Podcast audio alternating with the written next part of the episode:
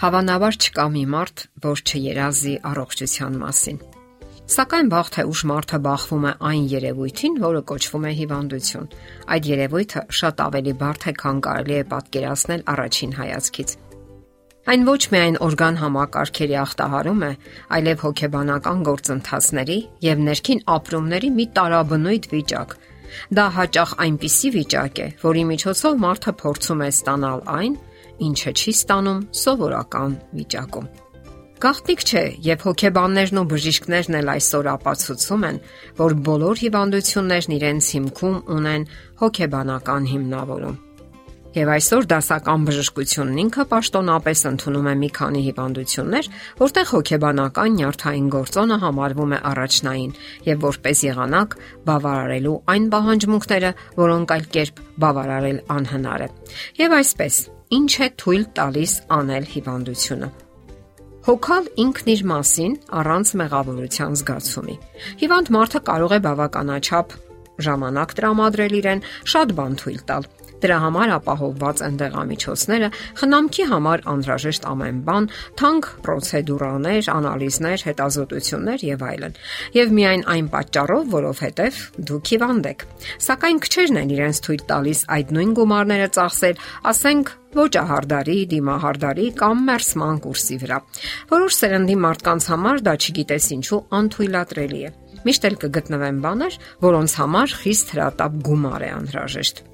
Հիվանդությունը մի վիճակ է նաև, որը հնարավորություն է տալիս մարդուն. Իրեն զգալ մեկը, որի մասին հոգում են, խնամում են, ուշադրություն են նվիրում։ Այնքան էլ ընդունված չէ հոգալ մարդու մասին, այն ժամանակ երբ նա առողջ է, որովհետև նա իբր ուժեղ է, հաջողակ, խելացի եւ կարող է ամեն ինչ անել ինքն իր համար եւ որպես թե կարող է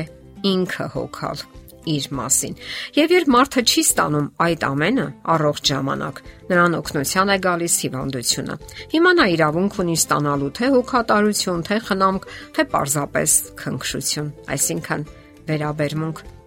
Իսկ եթե մտերիմները շարունակում են անտեսել նույնիսկ այդ ոչ երկիմաստ օգնության ուղերձները, հոգացեք իմ մասին, ապա հիվանդությունը կարող է աճել, զարգանալ եւ ինչ որ պահի պարզապես անհնար կլինի արդեն անտեսել այն։ Այդ ժամանակ հերթապահությունը վերակենթանացման սենյակում ապահովված է։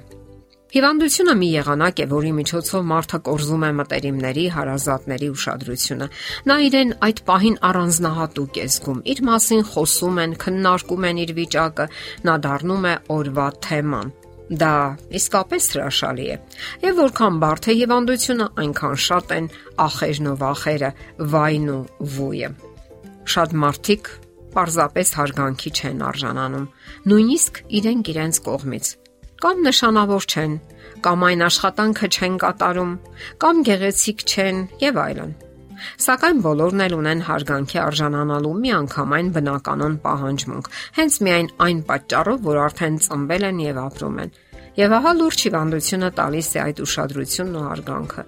Մարդն իրեն հերոս է զգում, եւ որքան լուրջ է հիվանդությունը, այնքան ավելի շատ է հերոսը զգում իրեն։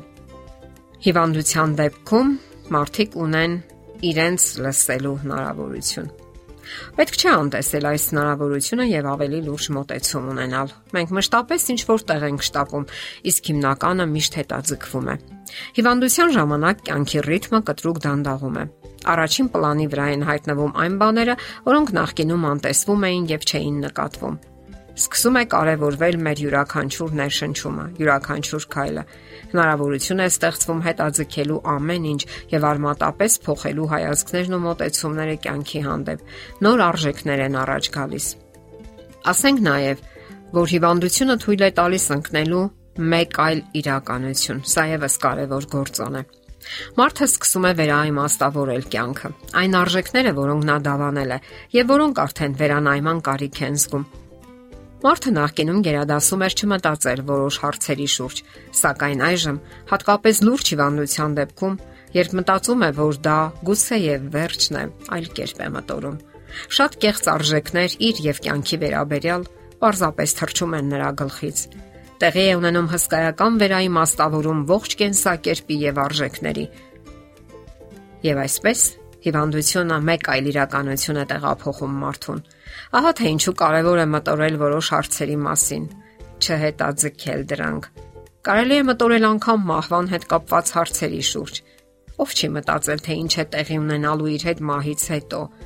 Հարցրեք ձեզ, ինչ է թույլ տալիս ստանալ այդ հիվանդությունը։ Կազմեք անգամ ցանկը, մանրամասն խորհեք յուրաքանչյուր կետի շուրջ, առանց ձեզ եւ ուրիշներին դատապարտելու։ Հնարավոր է դուք ունեք հոգեբանական կարիք, ուշադրության, հոգատար վերաբերմունքի եւ այլն։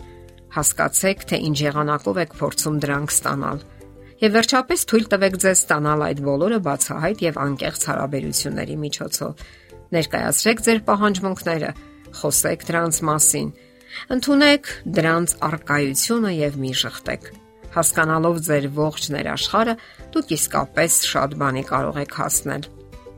Դե ինչ, եղեք խելամիտ եւ առողջ։ Եթերում է առողջ ապրելակերպ հաղորդաշարը։ Հարցերի եւ առաջարկությունների համար զանգահարել 033 87 87 87 հեռախոսահամարով։